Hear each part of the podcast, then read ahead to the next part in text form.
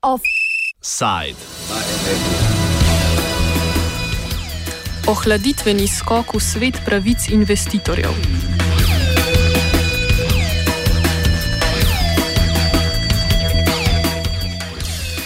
Tobačni teden off-sidov nadaljujemo s pregledom uporabe mehanizma ISDS strani podjetij v tobačni industriji.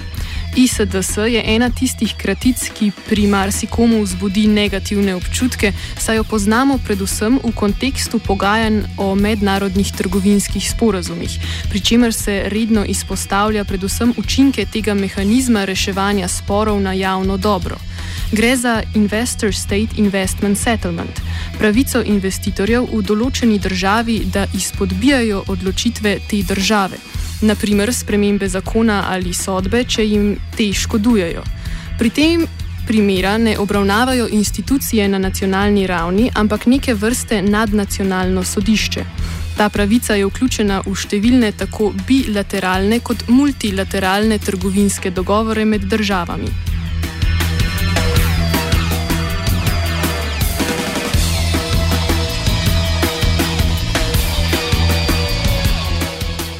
Javno mnenje je vsaj znotraj EU usmerjeno močno proti to vrstnemu reševanju sporov med državami in investitorji, kar je tudi eden od razlogov, zakaj se ISDS ne pojavlja več v pogajanjih o transatlantskem investicijskem partnerstvu, bolj znanem kot TTIP, kjer so sedaj predvidena tako imenovana investicijska sodišča. Ali so ta kaj drugačna oziroma boljša za prebivalke in prebivalce držav, ki so del teh sporazumov, je morda tema za drugič. Danes se bomo osredotočili na mehanizem ISDS in pa uporabo le tega strani tobačne industrije. Za začetek prisluhnimo Patriciji Ranald iz avstralske mreže za pravično trgovino in investicije, ki opiše začetno idejo mehanizma ISDS in specifike, v katere se je razvil. The idea was that it was originally about compensation for the seizure of assets by a government. But over time, the legal uh, framework for ISDS developed so that it covered things like um, what was called indirect taking of assets or indirect expropriation, which could mean any kind of government regulation which harmed the interests of the investors or they could claim that it harmed their investment.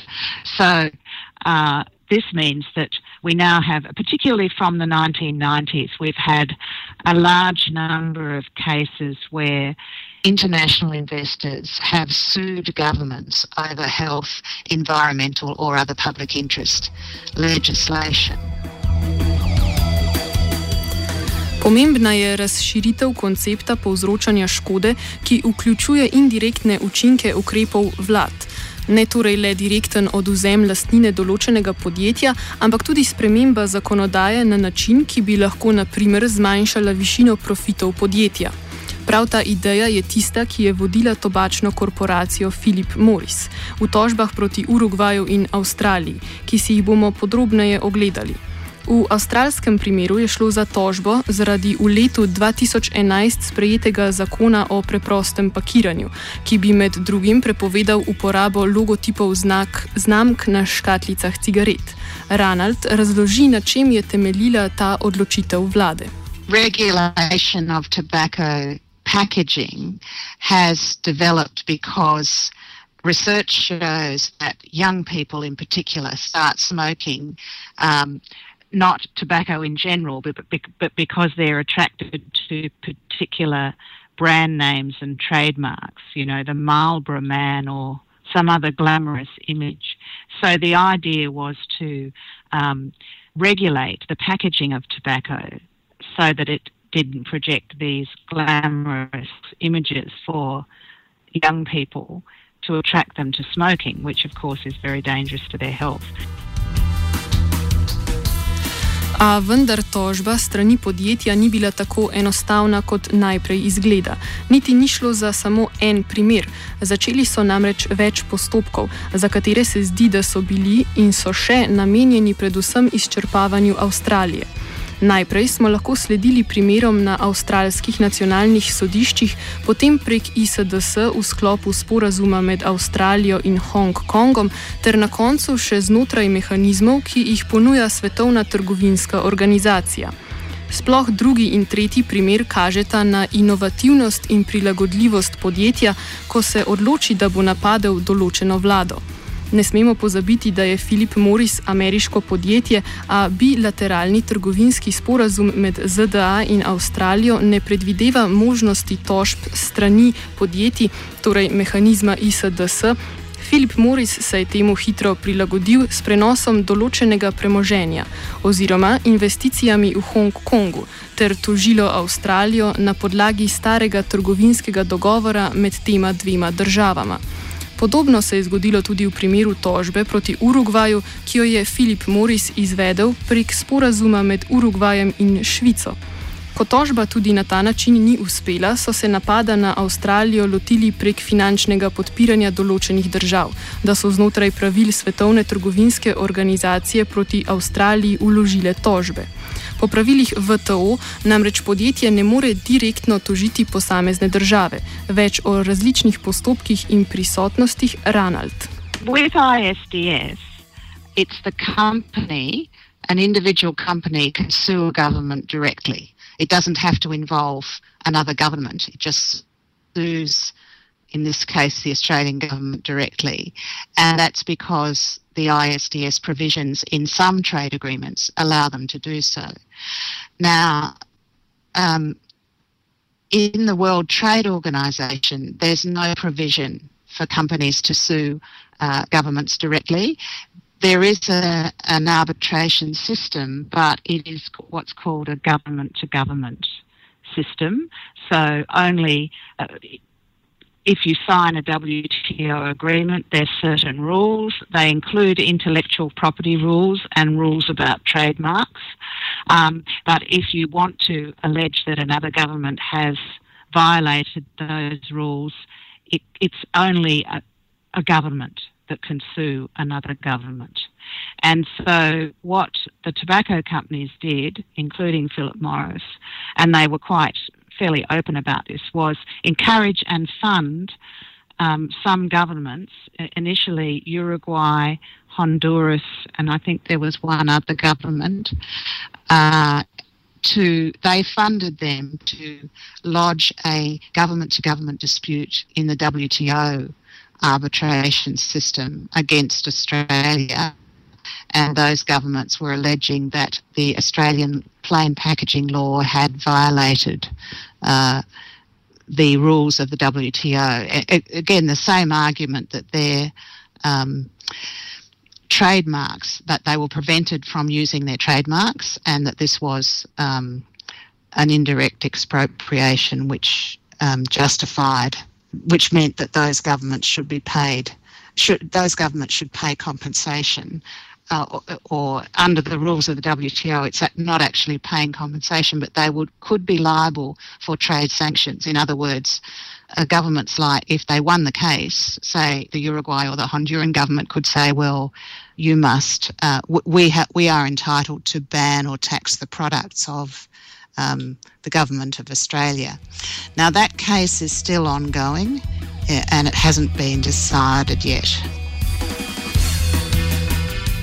Eden od razlogov, zakaj je Avstralija vsaj zaenkrat uspešno preživela vse opisane tožbe in napade, je tudi njena relativna velikost, tudi v gospodarskem smislu, pri čemer pa je delež tobačne industrije majhen, kar zmanjšuje možnosti izsiljevanja strani korporacije. Predvsej drugačna je situacija v drugi tožbi Filip Morisa in sicer proti Urugvaju, ki je poskusil omejiti uporabo škatlic, ki potrošnikom dajo občutek, da so različne vrste cigaret različno škodljive, ter povečal prostor za opozorilna sporočila. Za dodatno finančno pomoč Urugvaju v tožbi je celo poskrbela ameriška fundacija Bloomberg, brez katere bi država najverjetneje morala popustiti zahtevam tobačne korporacije. Več o specifiki urugvajskega primera in razlogih za tožbo pove Enrico Bonadio iz City University London. Some commentators have pointed out that you know the big company, the big multinational tobacco major has uh, brought to, to, to, an international court uh, a small country uh, by trying to threaten, basically, no, not threaten, by trying to, um, to, to, to, use the legal procedures to uh, challenge a public health measure adopted by a democratically elected government. As you said, uh, Uruguay is a small, is a small, is small country um, with uh, limited financial resources to pay lawyers, to pay advisors. let me also stress that uh, this action by Philip Morris uh, in Uruguay, in Australia, had also the aim, hidden aim, I would say, uh, of threatening uh, other countries no, that uh, were about or are willing to adopt uh, similar tobacco control measures. Basically, uh, what several commentators have labeled as a chilling effect. No? By starting these international litigations, um, uh, tobacco companies like Philip Morris are basically uh, trying to convince, to persuade, uh, to discourage countries not of similar measures. Medtem ko lahko podjetja države tožijo zaradi indirektnih učinkov njihovih politik, imajo te tožbe potencialno tudi indirekten vpliv na delovanje ostalih držav, ki občasno kar zamrznejo v procesu sprejemanja odločitev v smeri javnega dobrega. In to tudi, če gre pri tem le za implementacijo priporočil, ki izhajajo iz drugih, torej ne trgovinskih mednarodnih sporazumov. Urugvaj se je tako naprimer skliceval na implementacijo smernic, ki so del okvirne konvencije Svetovne zdravstvene organizacije za nadzor nad tobakom kljub temu, da, jih, da jim je na koncu uspelo, pa je ta argument šipkejši v smislu, da implementacija teh smernic ni zavezujoča za podpisnice, medtem ko delovanje v skladu z dogovori o trgovanju je. Več Bonadijo. The guidelines to this international convention recommend, recommend countries, WHO countries, to adopt plain packaging, right? So, this is quite important. It's not the treaty itself which obliges to adopt tobacco, uh, plain packaging of tobacco products. It is just the guidelines which recommend, it's a recommendation. No? It's, it's basically it's not a binding uh, uh, uh, obligation. It's a recommendation made by the guidelines. So I think that uh, have, of course, an authoritative uh, effect, not binding, but it's a strong, it's a, it's a strong um, point made by the guidelines. Of course, tobacco measures, they point uh, their finger to the fact that uh, this is not binding, 8. julija letos je sodišče odločilo v prid Urugvaju, ki bo od Filip Morisa dobil 7 milijonov dolarjev. Kakšne učinke te odločitve lahko pričakujemo? Kot na vsaki točki današnje zgodbe, slika tudi tukaj ni povsem jasna. Pojasni Bonadijo. But we should uh, uh, remind and take into account that it is not a, a legally binding precedent for future judges, right? because uh, it's uh, just uh, limited to interpretation of a bilateral treaty between two countries. But of course, judges, it's part of the of the international case law. So it, even if it will not have a binding effect on future, you know, cases between other countries, nevertheless, it will have a strong, you know, uh, authoritative effect, not binding, but of course it will be a milestone no? in international economic law, international public health law, and so on. Nekaj upanja torej vseeno obstaja v boju proti podjetjem, ki iščejo kakršne koli načine za kaznovanje držav, ki se po njihovo ne držijo pravil trgovinskih sporazumov. Upor proti takim praksam in mednarodnim dogovorom, ki jih omogočajo, pa bo seveda zahteval najmanj tolikšno premišljenost in inovativnost, kot jo kažejo podjetja. Civilna družba v Avstraliji je dosegla manjši premik na tem področju, saj je iz transpacifiškega sporazuma izuzeta možnost tožb proti vladam zaradi zakonov in kampanj, ki skušajo omejiti kajenje. A kot opozarja Ronald, to nikakor ni dovolj.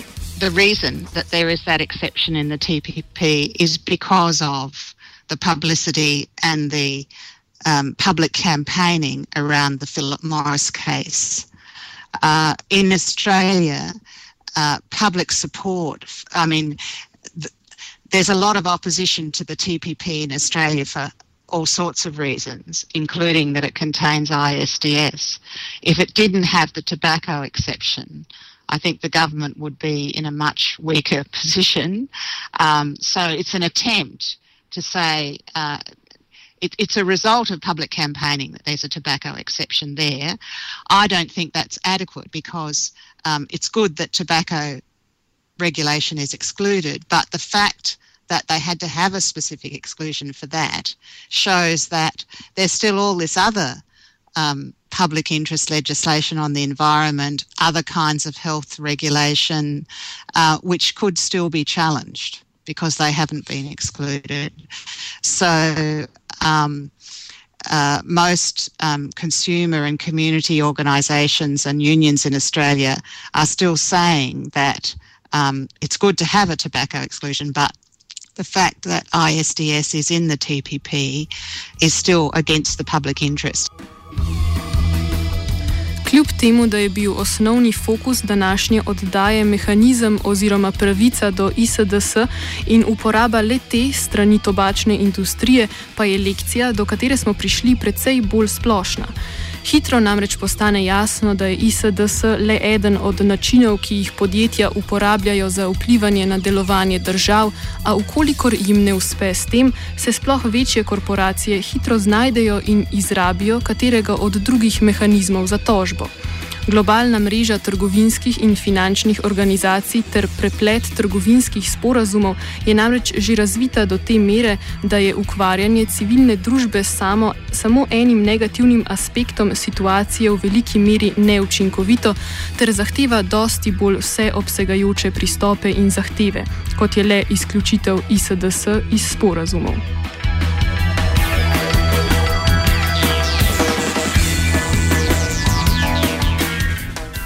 Offside je pripravila Zala.